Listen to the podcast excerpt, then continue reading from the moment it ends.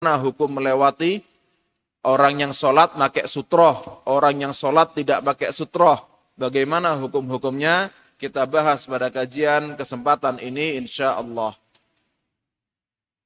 Al-Imam Ibn Hajar Al-Asqalani menyebutkan di hadis yang pertama, hadis yang diriwayatkan oleh Abi Juhaim Ibn Al-Harith radhiyallahu anhu qal qala Rasulullah sallallahu alaihi wasallam لو يعلم المار بين يدي المصلي ماذا عليه من الإثم لكان أن يقف أربعين خيرا له من أن يمر بين يديه.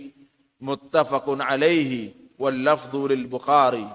ووقع في البزار من وجه آخر أربعين خريفا.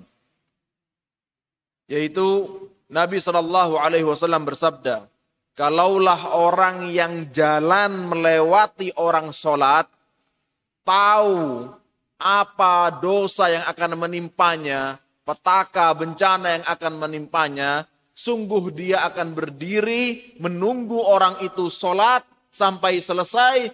Lebih baik baginya dia berdiri daripada dia jalan.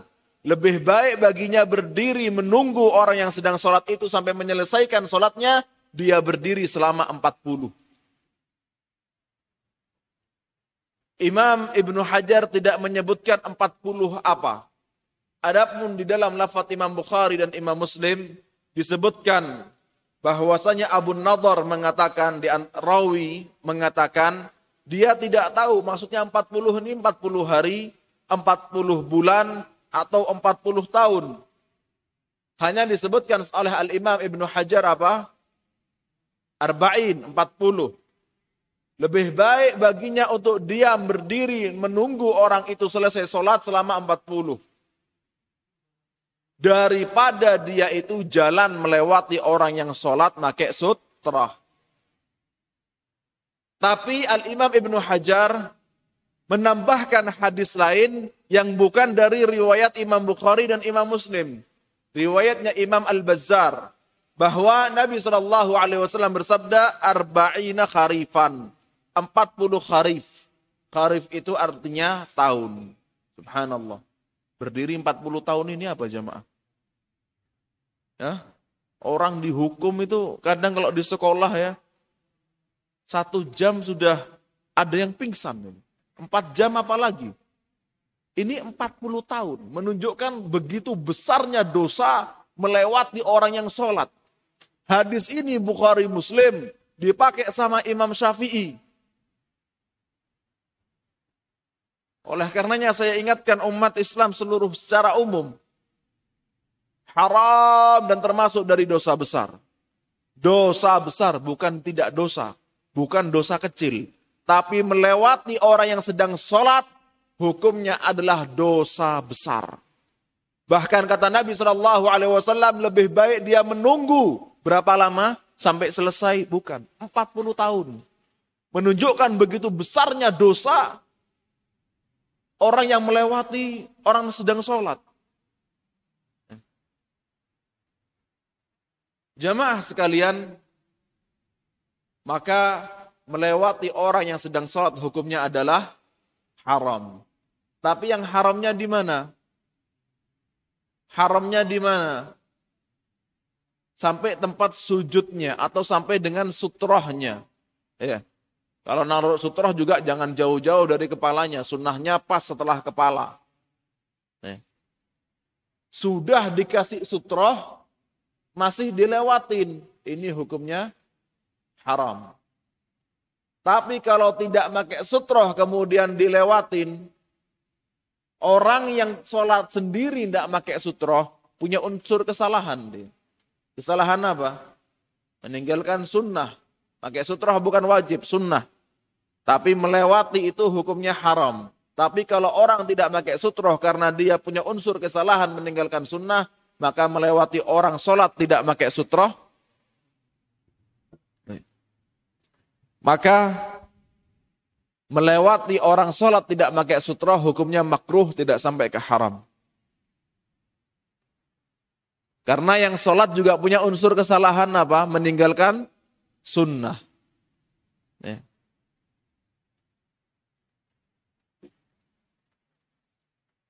Meskipun makruh bukan berarti wah makruh tak lewatin aja.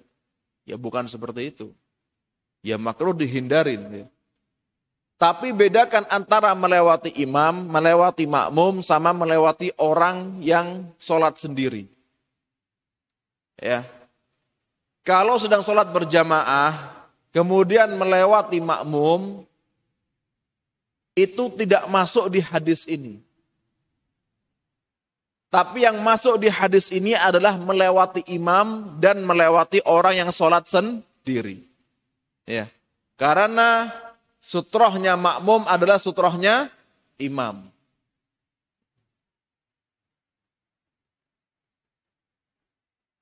Kemudian hadis yang kedua dari Aisyah radhiyallahu anha qalat Su'ila Rasulullah sallallahu alaihi wasallam fi ghazwati Tabuk an sutratil musalli Faqala mithlu muakharatir rahil akhrajahu Muslim. Ibunda kita Aisyah radhiyallahu anha menyebutkan bahwa Nabi Shallallahu alaihi wasallam ketika perang Tabuk beliau ditanya setinggi apakah sutrohnya orang sholat maka Nabi Shallallahu alaihi wasallam mengatakan seperti dudukan senderan yang ada di unta. Bukan untanya ya, untanya 2 meter. Tapi dudukan. Jadi di atas unta itu ada ada dudukan. Dari dudukan itu biasanya di belakangnya ada kayu. Kayu itu sekitar seperti 2 per 3 hasta. Sekitar 2 per 3 hasta. Eh. Jadi ada untuk senderan biasanya itu yang dimaksud dengan muakharatu ar-rahil. Seperti senderan yang ada di dudukan unta.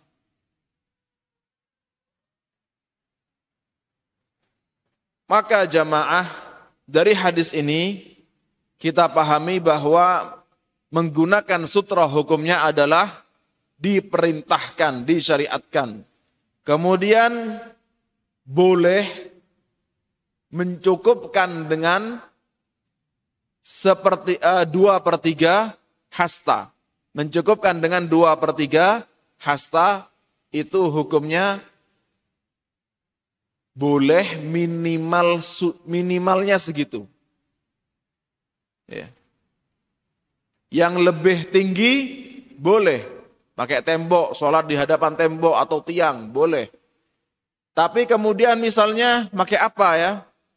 ada gelas misalnya, dipakai buat sutroh.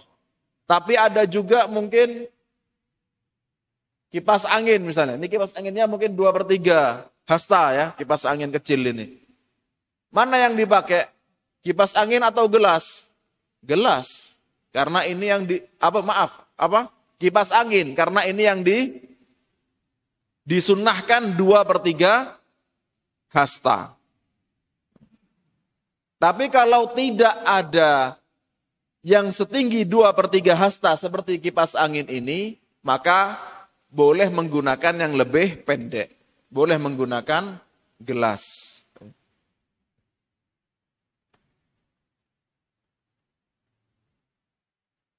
Kemudian di hadis yang ketiga dari Saburah bin Ma'bad al-Juhani radhiyallahu anhu qala Qala Rasulullah sallallahu alaihi wasallam liyastatira ahadukum fi salatihi walau bisahmin akhrajahul hakim.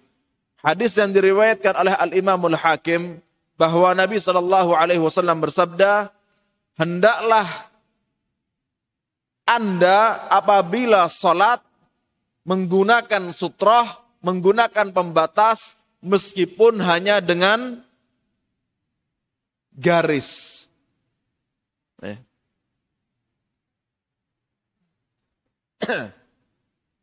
Meskipun hanya dengan garis atau apa pun itu. Ada benda kecil, ya taruh HP misalnya di depan, pokoknya tidak hilang ya. Terkadang orang naruh HP di depan, dikiranya di masjid, orang soleh semua, ternyata ada yang mencari kesempatan. Ya. Terutama di Masjidil Haram. Wah, tempatnya orang soleh, malaikat semua ini. Karomah. Ternyata karomahnya apa? tasnya hilang. Kenapa? Ditaruh di depan kepala kalau sujud. Makanya kalau umroh sekarang alhamdulillah sudah dibuka. Kalau bapak ibu mau umroh, di mana taruh HP, taruh tas itu? Bukan di depannya kepala, tapi antara antara paha dengan kepala.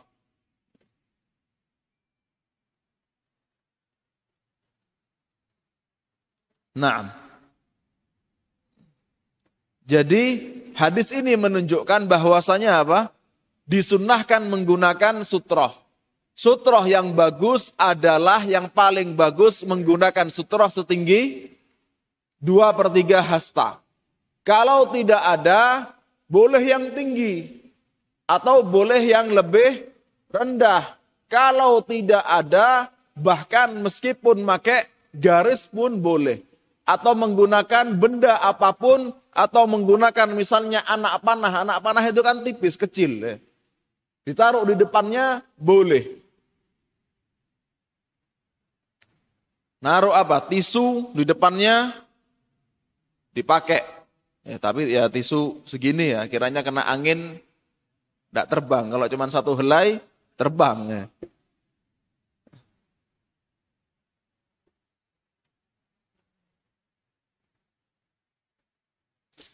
Jadi hadis ini kita pahami bahwa sutroh itu tidak mesti dua per tiga hasta. Tapi itu yang terbaik, itu yang paling bagus, itu yang paling sunnah.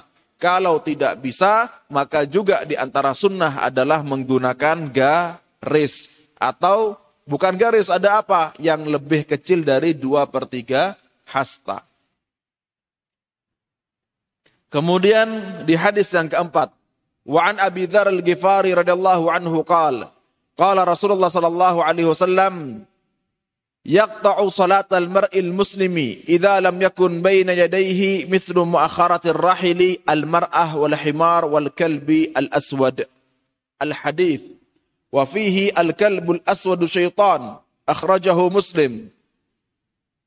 Walahu an Abi Hurairah radhiyallahu anhu nahwahu dunal kalbi wa li Abi Dawud wa Nasa'i an Ibnu Abbas radhiyallahu anhuma nahwahu duna akhirih wa qayyada al-mar'a bil haid.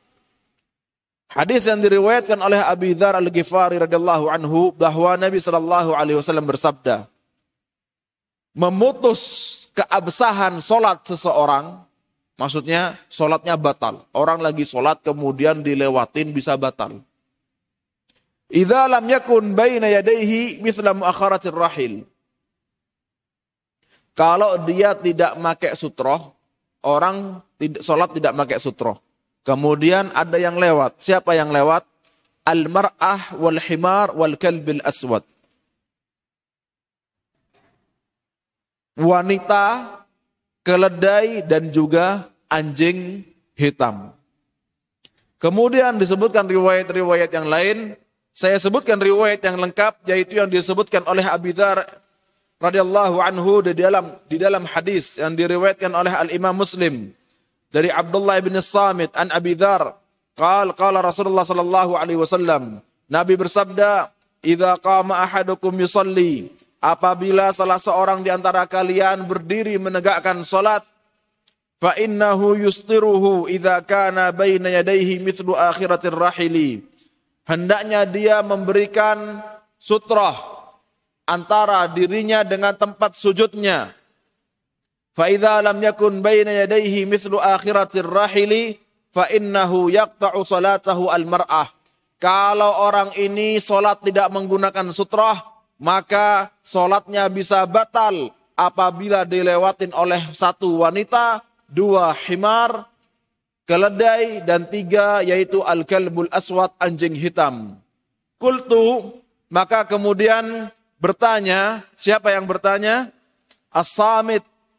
Abdullah bin Samit bertanya kepada Abu Dhar, "Ma balul kalbil aswadi minal kalbil ahmar wa minal kalbil asfar?" Apa bedanya anjing hitam sama anjing merah dan anjing kuning? Maka kata Abu Dhar radhiyallahu anhu, "Wahai anak saudaraku, pertanyaanmu itu yang telah aku tanyakan kepada Nabi Muhammad sallallahu alaihi wasallam. Dan Nabi mengatakan al-kalbul aswadu syaitan. Anjing hitam adalah setan Ada juga hadis yang diriwayatkan oleh Abu Hurairah. Tadi Abu Dhar Al-Ghifari. Sekarang hadisnya siapa? Abu Hurairah. Juga diriwayatkan oleh Imam Muslim. Nabi sallallahu alaihi wasallam bersabda, "Yaqta'u salat al-mar'at yaqta'u salata al-mar'atu wal himar wal kalbu."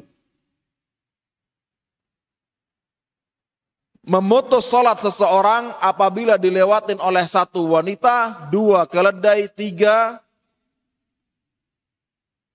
anjing. Di sini tidak disebutkan anjing hitam, tapi umum anjing apa pun. Kemudian ada juga lafaz dari Abu Dawud radhiyallahu anhu bahwa Jabir bin Zaid yuhadithu an Ibnu Abbas rafa'ahu Syu'bah qala yaqta'u as-salat al-mar'a al-ha'id wal kalb. Ada riwayat dari Abu Dawud bahwasanya yang memutus keabsahan keabsahan sholat seseorang itu adalah anjing dan wanita yang haid.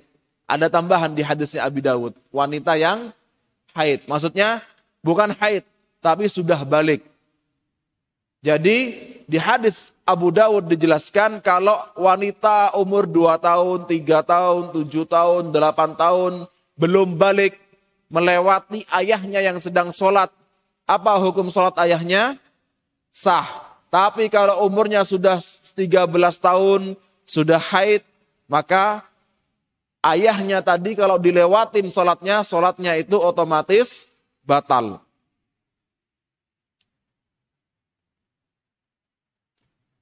Ada juga hadis yang diriwayatkan oleh Ibnu Abbas. Diriwayatkan oleh Al-Imamul Bukhari dan Imam Muslim. Ibnu Abbas mengatakan ini hadisnya kebalikan yang tadi. Hadisnya Ibnu Abbas, akbal turakiban ala atan. Aku mengendarai keledai.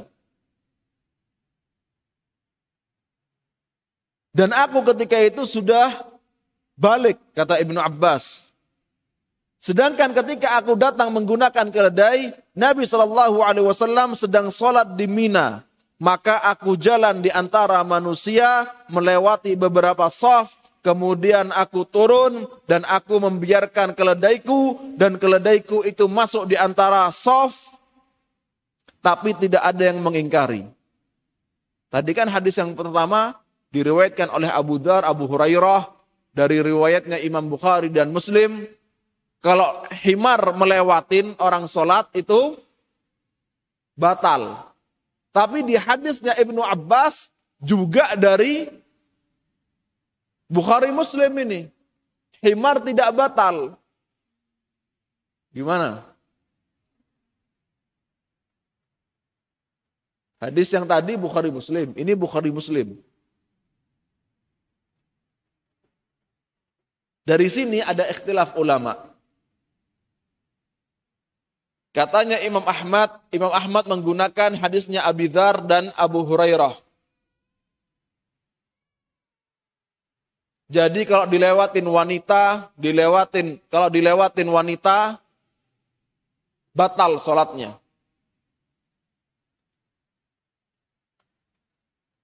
Dilewatin himar, batal sholatnya. Dilewatin anjing, batal sholatnya. Kemudian kata Imam Ahmad, atau riwayat dalam Imam Ahmad, hadisnya Ibnu Abbas itu maksudnya adalah lewatnya itu di luar sutrohnya imam. Dan ini kan makmum. Kalau yang dilewatin makmum tidak batal. Kecuali kalau imam dan munfarid. Seperti itu dipahamin oleh ulama Hanabilah. Tapi ulama dari Hanafiyah, Malikiyah dan Syafi'iyah justru kebalikannya menggunakan pendapatnya menggunakan hadisnya Ibnu Abbas yang diriwayatkan oleh Bukhari Muslim. Karena di situ jelas disebutkan lewat di antara orang sholat. Dan kejadiannya hadisnya Bukhari Muslim sahih di Mina menunjukkan kalau ini adalah yang paling terakhir. Kapan Nabi Shallallahu Alaihi Wasallam haji? Di akhir hidupnya. Di tahun ke-10 Hijriah. Iya kan? Oleh karenanya, tiga imam madhab mengatakan tetap sah. Kalau ketika sholat dilewatin oleh wanita. Ya. Anggaplah kalau khimar mungkin jarang ya. Kalau anjing bisa jadi najis. Kalau misalnya dia membawa najis ya. Membawa najis. Kita harus pindah dari tempat najis itu. Kita harus mundur. Anjing lewat. Melet. Meler apa? Lidahnya. Kemudian netes liurnya. Ya kita jangan sholat di situ. Ambil tempat lain. Mundur. Ya, boleh apa tidak mundur? Boleh. Karena itu kebutuhan sholat. Meskipun di sana ada ikhtilaf ulama, apakah maju mundur ketika sholat ini termasuk dari perbuatan di dalam sholat atau perbuatan di luar sholat. Tapi kata Ibnu Hajar al-Asqala, kata Ibnu Hajar al-Haythami, itu adalah perbuatan di dalam sholat. Boleh. Tapi kata guru saya Syekh Ahmad ibn Ali al-Makrami, itu perbuatan di luar sholat. Kalau orang ketika sholat maju, batal sholatnya. Dan memang ada khilafnya. Itu perbuatan di dalam sholat atau di luar sholat. Wallahu a'lam bisawab.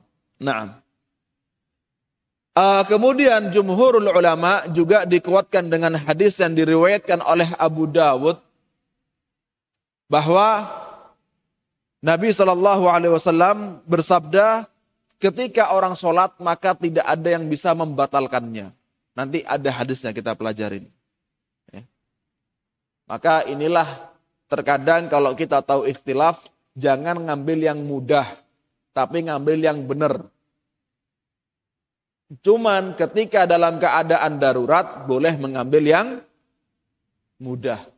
Ya, bukan bermudah-mudahan di awal, tapi ketika darurat mengambil pendapat yang mudah. Ya. Contohnya ulama Hanabilah, kalau mereka sedang pengajian, mengatakan hukumnya dilewatin wanita, batal. Tapi coba ditanya kalau di Masjidil Haram, kita pergi ke Imam Syafi'i, kita pergi ke Imam Abu Hanifah, kita pergi ke Imam Malik. Ya. Karena kalau di Masjidil Haram gimana? Karena Masjidil, Masjid Nabawi masih enak Pak. Juga terkadang banyak tanya sama saya, enak belajar di mana? Madinah atau Mekah? Jelas di Madinah daripada di Mekah. Kenapa? Karena kalau di Madinah kita lagi sholat khusyuk-khusyuk. Eh, kita lagi sholat sunnah khusyuk-khusyuk. Tapi kalau di Mekah repot. Lagi khusyuk-khusyuknya nangis atau lagi ikut kajian, syekhnya menjelaskan tentang kematian, tentang tazkiyatun nufus. Nanti ada cewek lewat. Nah jadi nangisnya itu. Doanya pertama, ya Allah hindarkan aku dari neraka. Ya Allah nikahkanlah aku dengan wanita kayak gini.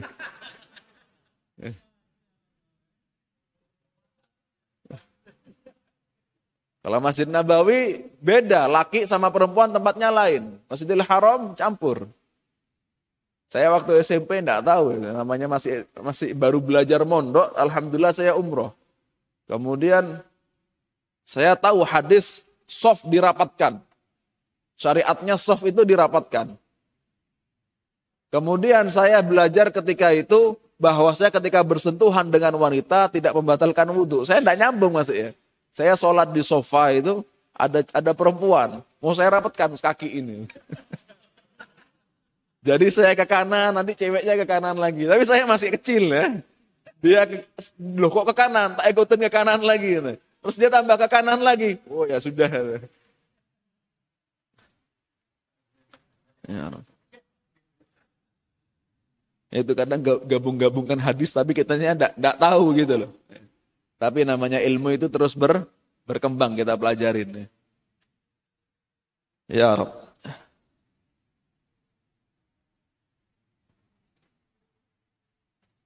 Kemudian kalau misalnya kalau uh, belajar di Madinah itu masjidnya Masjid Nabawi itu untuk mulazamah maghrib tetap buka, isya tetap buka. Ya lagi sholat. Tapi kalau Masjidil Haram, setengah jam sebelum adzan biasanya sudah tutup. Bahkan kalau bulan Desember, Januari, Ramadan, satu jam sebelum adzan sudah tutup. Jadi kalau di Masjid Nabawi kajian, kemudian kajiannya ba'da maghrib misalnya.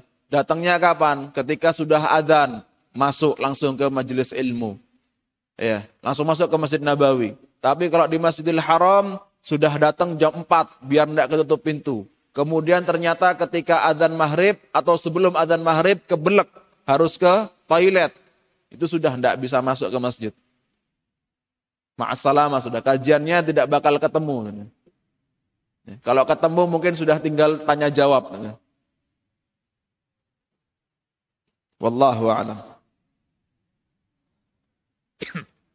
Baik. Jadi jamaah inilah terkadang uh, kita mengetahui ikhtilaf ulama ya tidak perlu banyak-banyak yang masyhur-masyhur aja termasuk ini masyhur terutama kalau di Masjid Nabawi Masjidil Haram ya maka pendapat jumhurul ulama menggunakan hadis yang sahih diriwayatkan oleh Ibnu Abbas dari riwayatnya Imam Bukhari dan Imam Muslim dikuatkan lagi dengan riwayat dari Imam Abu Dawud dan dikuatkan lagi itu pendapat jumhurul ulama dari Hanafiyah, Malikiyah dan Syafi'iyah bahwa ketika solat dilewatin oleh wanita tidak membatalkan solat. Ya, solat dilewatin khimar tidak membatalkan solat. Ya. Tapi ketika ulama Hanabilah sendiri yang mengatakan kalau ini membatalkan solat, ketika di Masjidil Haram, Masjid Nabawi, mereka mengatakan tidak membatalkan solat. Ada di antara mereka mengatakan hanya di Masjidil Haram dan Masjid Nabawi. Ada di antara ulama Hanabilah yang mengatakan di seluruh masjid kalau keadaannya kayak Masjidil Haram, Masjid Nabawi. Di mana pun, di Lumajang ada tablik akbar besar, kemudian uh, panitia kewalahan. Ya, mungkin kan terjadi kewalahan menata jamaah, akhirnya ada beberapa jamaah yang tercampur baur misalnya ini ada perempuan berapa, sebelahnya ada laki berapa, mungkin terjadi. Kemudian sholat, ketika setelah sholat ada yang terlambat, ada yang mau keluar. Bagaimana kemudian kalau laki yang masbuk dan wanitanya mau keluar yang ada di depannya, kemudian melewatinya, apa hukumnya? Maka kata ulama Hanabilah, kalau keadaannya seperti ini, wanita melewati lelaki yang sedang sholat, tidak membatalkan sholat.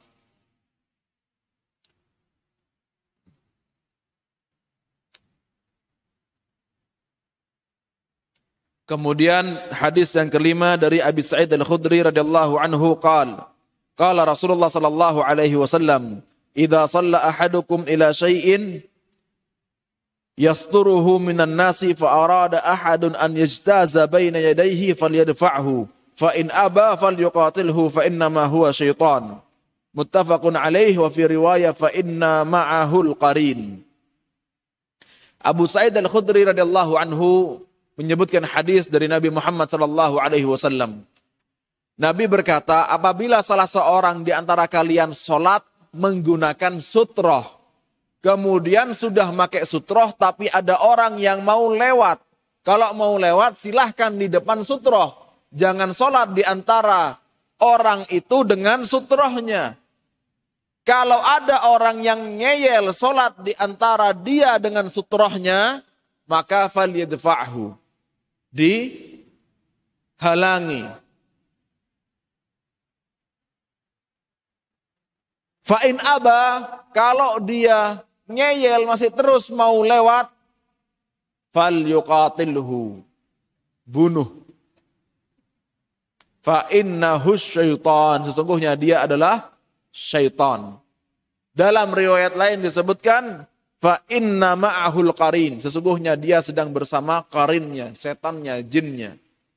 Ya, dan kita tahu kalau qarin itu semuanya kafir.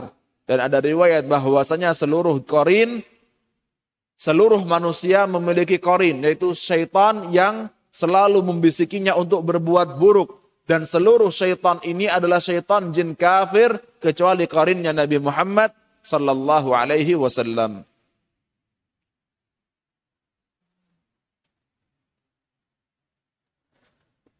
Tapi ini kalau di Hah? Kalau di menggunakan hukumnya ya, menggunakan hukumnya. Kalau memang digunakan hukumnya, jangan kemudian dilakukan karena langsung dengar hadis ini, langsung dilakukan. Tidak, saya tidak memerintahkan. Dan insya Allah tidak ada ulama yang memerintahkan seperti itu.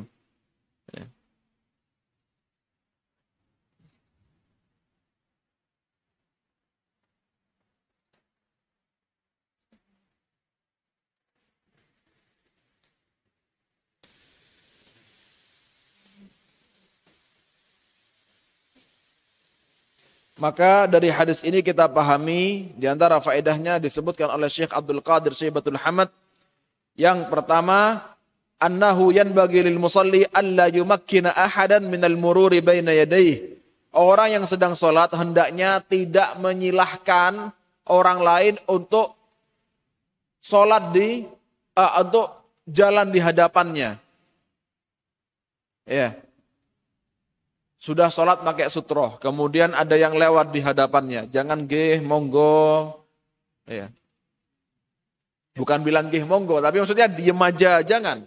Sunnahnya itu adalah di ditahan. Ini jelas-jelas hadisnya Nabi memerintahkan untuk menahan. Berarti perbuatan menahan ini termasuk dari perbuatan dalam sholat. Kalau ada yang bilang, ini sholat apa kok kayak gini-gini. Ini sholat apa kok sampai nahan orang sholat. Gerakan apa kayak gini? Gerakan yang diperintahkan Nabi Muhammad Sallallahu Alaihi Wasallam. Termasuk dari gerakan sholat. Bahkan bukan sekedar nahan, tapi juga masuk gerakan sholat. Eh. Kemudian yang kedua, an yadfa'ahu awalan bil lini lutfi fa illam yandafi' raddahu bisyiddati wal unfi. Yang dilakukan pertama adalah apa? Menghalangi jalan orang itu dengan cara yang lemah lembut. Ya, nggak usah langsung keras. Cukup dikasih tahu. Tapi kalau gini dia masih lanjut. Ini baru hmm, keraskan. Ya. Masih lanjut. Mundur. Ya. Tapi dilihat juga, tapi dilihat juga itu antum disunahkan seperti itu, tapi sholatnya di mana itu dilihat juga. Sholatnya di mana? Maksudnya lagi sepi atau lagi rame? Kalau masjidnya lagi rame, memang tidak ada jalan kecuali melewati orang sholat, ya silahkan. Eh. Kayak di Masjid Nabawi. Orang habis sholat isya, itu kan rata-rata pergi semua. Tapi rata-rata mereka sholat sunnah. Ada yang sholat sunnahnya habis salam, ada yang sholat sunnahnya setelah sholat jenazah, ada yang sholat sunnahnya masih lama setelah sholat jenazah, macam-macam ya. Sedangkan udurnya orang lain-lain, apalagi di sana banyak orang tua, mungkin sudah ada yang prostat, sudah kebelek, ya kan? Ya, jangan ditahan. Antum sholat di sini sudah jelas-jelas pakai sutroh, depannya kosong, belakangnya kosong. Ada yang mau lewat, tahan. Tapi antum sholat di sini, full semuanya. Antum lagi sholat sendiri, sholat sunnah misalnya. Atau antum lagi jamak sholat sendiri, sholat wajib, tapi full. Yang lainnya juga pada sholat. Ya. Sudah biarkan dia untuk lewat. Karena tidak ada jalan lagi untuk lewat dan mungkin orang itu dalam keadaan darurat. Kalau kita yang jalan bagaimana? Tungguin orang itu selesai sholat. Baru kita jalan. Kecuali kalau keadaannya darurat daripada buang air di masjid. Barakallahu fikum. Itu yang bisa disampaikan. Kurang lebihnya mohon maaf. Kita lanjut setelah sholat insya Allah.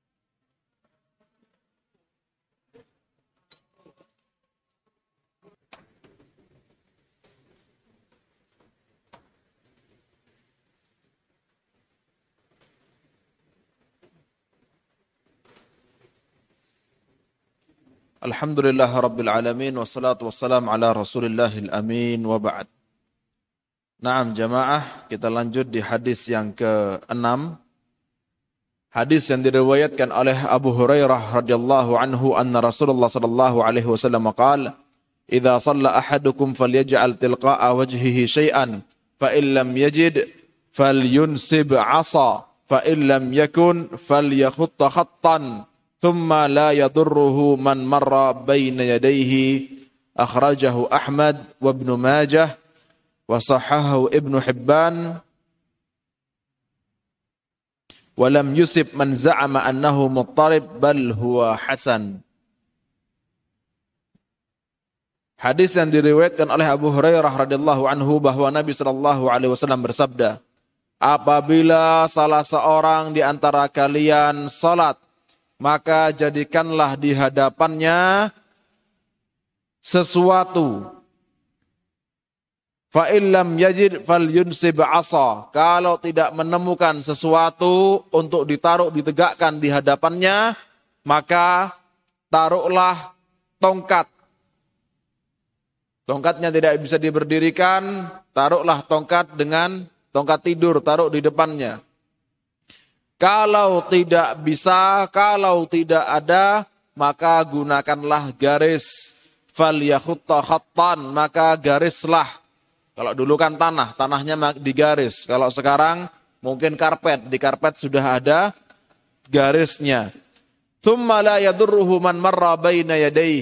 Kalau sudah menggunakan ini, maka tidak mudarat bagi sholatnya kalau ada yang lewat di depan sutroh. Jadi jamaah, di hadis ini juga dijelaskan bahwa haknya orang sholat adalah sampai ke sutrohnya. Sutroh itu sampai ke daerah kepalanya, setelah kepala kasih sutroh. Ya. Karena terkadang mungkin dipahamin, saya dulu pernah melihat itu di suatu masjid tidak mau lewat depannya sutroh. Ya, sudah ada sutrohnya, tidak mau dilewatin. Kadang ditunggu sampai selesai, sampai salam baru baru lewat. Lah, apa gunanya sutroh? Silahkan lewat di depannya sutroh gitu loh. Kalau itu kaitannya dengan adab dan akhlak, ya itu lain lagi. Tapi sepertinya tidak juga ya.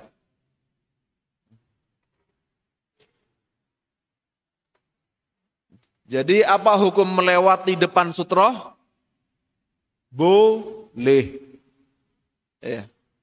Kata Nabi Shallallahu Alaihi Wasallam tidak mudarat, tidak apa-apa. Ya. Wallahu a'lam bis-sawab.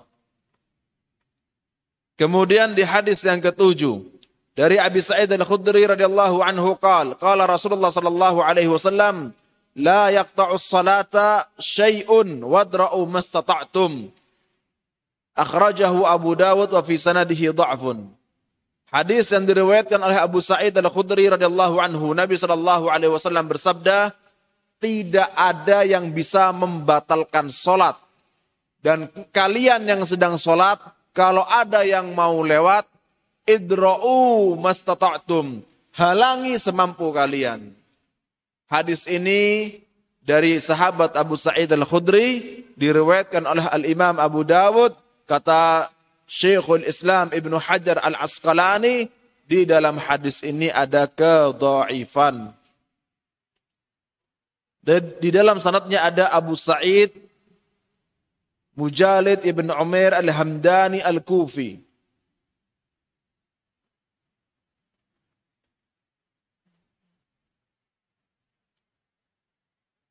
Rawi ini disebutkan lebih dari satu ahli hadis mengatakan dia adalah orang yang do'if.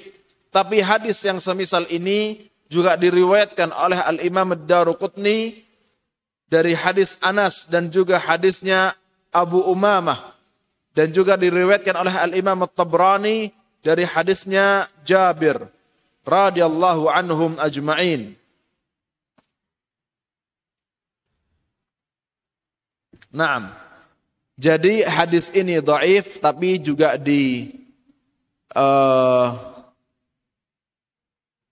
dikuatkan dengan hadis tadi yang diriwayatkan oleh Ibnu Abbas, yang diriwayatkan oleh Imam Bukhari dan Imam Muslim dan juga dikuatkan bahwa hadis ini yang diambil oleh Imam Abu Hanifah, Imam Malik dan Imam Asy-Syafi'i ridwanullahi alaihim.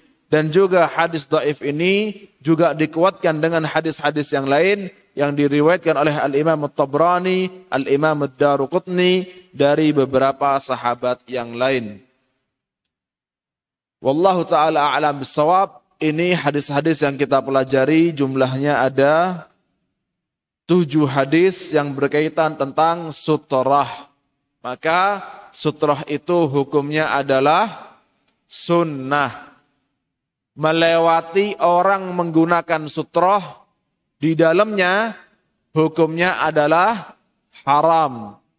Melewati orang yang sholat tanpa sutra hukumnya makruh. Melewati sholat melewati orang sholat di depan sutra hukumnya boleh. Wanita melewati orang sholat hukumnya batal menurut Imam Ahmad. Tapi menurut imam-imam yang lain tidak batal. Wallahu a'lam bissawab. Kalau ada pertanyaan silahkan.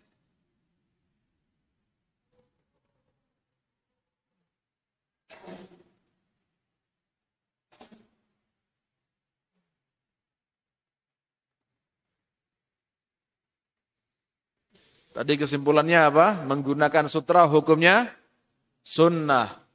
Melewati orang yang sholat menggunakan sutra hukumnya haram. Melewati orang sholat tanpa sutra hukumnya makruh. Melewati orang sholat dengan sutra, melewati depan sutrohnya hukumnya boleh.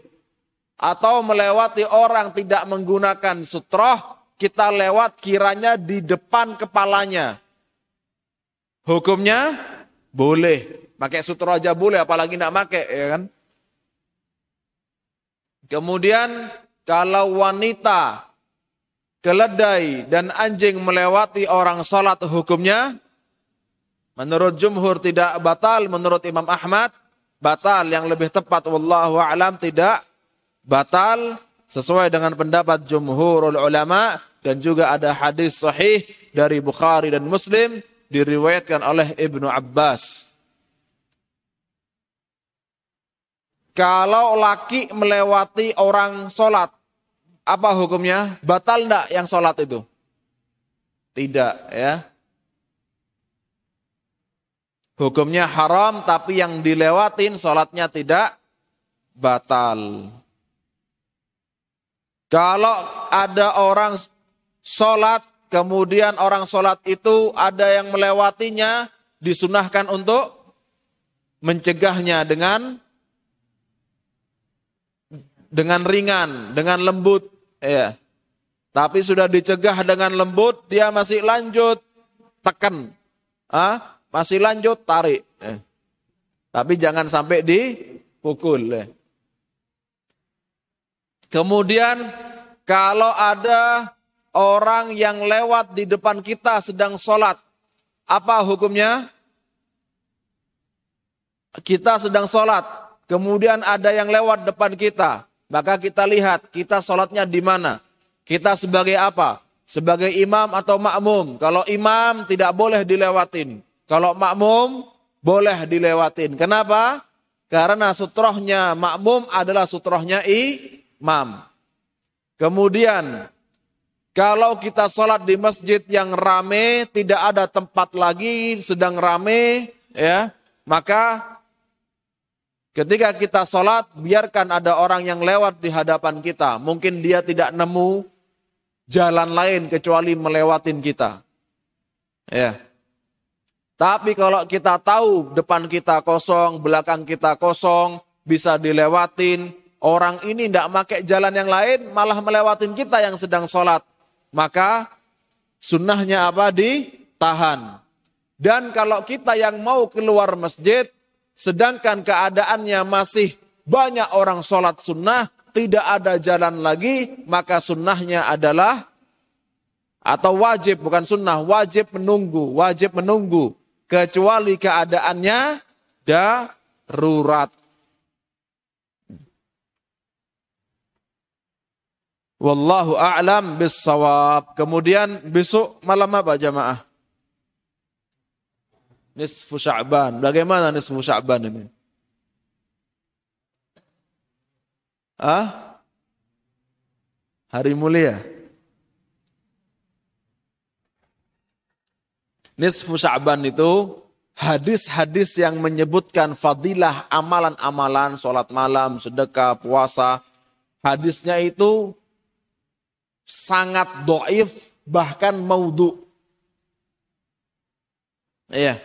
Tapi hadis-hadis yang menunjukkan fadilah nisfu Sya'ban itu hadisnya doif biasa, jumlahnya banyak. Maka sampai ke derajat hasan li ghairihi. Sebagian ulama mengatakan hadisnya itu banyak, derajatnya hasan. Maka naik ke derajat sahih li ghairihi. Ya. Oleh karenanya Ibnu Umar Ibnu Umar dari sahabat, kemudian Ibnu Abbas dari sahabat, kemudian Al-Imam Syafi'i, Al-Imam Ahmad ibn Hanbal, Al-Imam Ibnu Qudamah, Al-Imam Nawawi berpendapat bahwasanya nisfu Sya'ban adalah malam yang mulia. Termasuk di antara yang berpendapat siapa?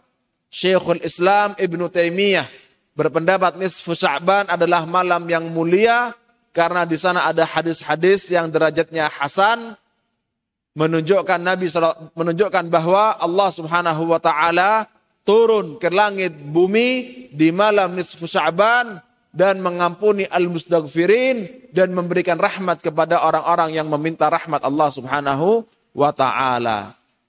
Apa yang dilakukan biasanya tidak sholat di masjid, nisfu Sya'ban sholat di masjid. Biasanya tidak qiyamul lail, nisfu Sya'ban qiyamul lail. Biasanya tidak sedekah malam, nisfu Sya'ban sedekah malam. Tapi tidak khusus, sholat khusus, sholat alfiyah atau apa, kemudian puasa khusus yang bagaimana, itu yang hadis-hadisnya doif jiddan bahkan maudhu. Ya. Sebagian ulama berpendapat hadisnya doif tidak sampai kepada Hasan dan tidak ada fadilah sama sekali dari nisfu Sya'ban ada. Dalam artian bahwasanya para ulama berbeda pendapat. Ya. Tapi kalau dalil-dalil yang menunjukkan sholat khusus, puasa khusus itu yang hadisnya do'if. Tapi kalau secara umum malam ini malam yang mulia, itu hadisnya derajatnya apa? Do'if, jumlahnya banyak. Maka naik ke derajat hasan li ghairihi. Atau derajatnya hasan tapi banyak. Maka nyampe ke derajat sahih li ghairihi. Wallahu a'lam bis sawab. Dan hadis-hadis itu juga disampaikan oleh Al-Imam Al-Bazzar, oleh Al-Imam Al-Bayhaqi, riwayat dari Aisyah radhiyallahu anha dan sahabat-sahabat yang lain.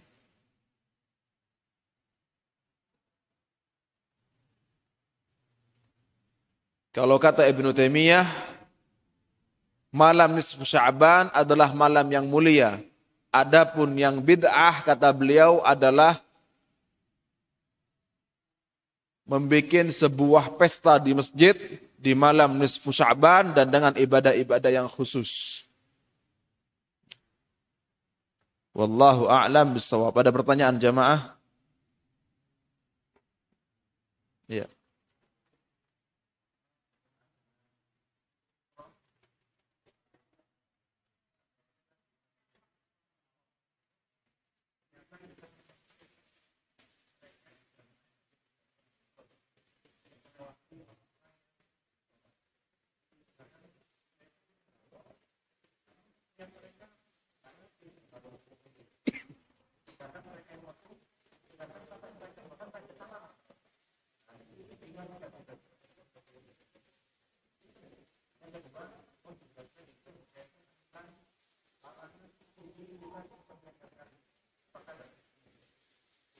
Iya. Naam. Kalau kita sholat di sebuah masjid yang mereka di sana tidak tahu sutroh, kemudian kita sudah pakai sutroh, atau misalnya kita tidak nemu sutroh, tapi kemudian orang itu sholat di apa jalan di hadapan kita. Kata Nabi Shallallahu Alaihi Wasallam, maka ditahan. Tapi kalau orang ini kemudian malah mengejek, mungkin dia punya subhat kebodohan. Kalau punya subhat kebodohan, apalagi kita di Indonesia, ya hadapin dengan hikmah, habis sholat, datengin orangnya. Pak, saya bukan bilang dari golongan saya atau golongan siapa. Pak, ini kitab namanya Umdatus Salik. Seseorang tidak mungkin jadi syafi'i kecuali hatam kitab ini. Itu disunnahkan pakai sutroh. Kalau sudah pakai sutroh dilewatin, kata Imam Syafi'i, kata Imam Nawawi, disunnahkan dibunuh. Yang bilang imam jenengan. Disunnahkan dibunuh. Tadi saya sabar, karena kita di hukumnya tidak boleh bunuh-bunuh seperti itu. Tapi kalau madhab syafi'i, Pak, itu sunnahnya dibunuh. Pak. Apalagi sudah lewat, ditahan, masih lanjut, masih mempermainkan orang sholat diajak salaman. Mengejek syariatnya. Iya kan? Ngejek syariat, ngejek orang fasik, tapi ngejek syariat bisa kafir. Ya dijelaskan, terkadang ya itu, kadang saya terkadang saya bingung kenapa kok ada yang itu jelas-jelas madhab syafi'i tapi tidak nyampe gitu loh di masyarakat kita secara umum yang syafi'iyah. Padahal di madhab syafi'i itu hukumnya sutroh adalah sunnah. Kemudian melewatin orang pakai sutroh hukumnya haram. Kalau tidak pakai sutroh dilewatin hukumnya makruh. Padahal di madhab syafi'i itu jenggot hukumnya wajib. Tapi yang wajib itu satu helai. Helai kedua sampai ke seribu hukumnya sunnah. Padahal di madhab syafi'i itu isbal hukumnya makruh. Makruh bukan haram, makruh. Tapi kalau makruh kan dihindarin. Kenapa kok isbal terus? Ya. Di dalam kitab Raudatul Talibin, Al-Imam Nawawi rahimahullah mengatakan isbal hukumnya makruh. Dilarang.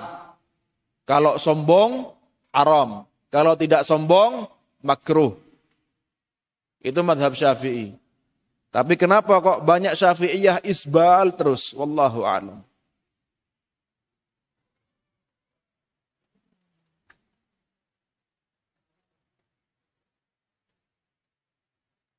Kemudian yang kedua, sholat dengan tangan diturunkan. Ya, nanti kita akan pelajari di dalam bab sifatus salah, sifat-sifat salat Nabi Muhammad Sallallahu Alaihi Wasallam bahwa Nabi melarang seseorang itu sholat dalam keadaan seperti binatang yang tidur. Seperti kambing yang lagi tidur atau seperti anjing yang lagi tidur. Maksudnya apa? Tangannya itu turun semua. Ya. Kalau sholatnya seperti itu sah tidak? Sah. Tapi dia melakukan hal yang makruh di dalam sholat. Ya, ada apa? Diturunkan kalau tidak ada butuhnya, ya kan? Maka hukumnya adalah makruh. Kemudian disunnahkan juga ketika sholat itu tangan bentuknya bagaimana keadaannya? Dibesarkan. Kalau sholatnya mun farid sendiri tidak ada orang di sebelahnya. Tapi kalau ada orang di sebelahnya, walinu bi'aidi ikhwanikum kata Nabi saw tangan kalian itu yang ringan, yang enteng dengan sebelah-sebelahnya. Sholat berjamaah, sofnya rapat. Oh sunnahnya itu beda ya. Kata Nabi, walinu bi'aidi ikhwanikum. Tangannya itu yang lemes. Dimasukkan. Ya.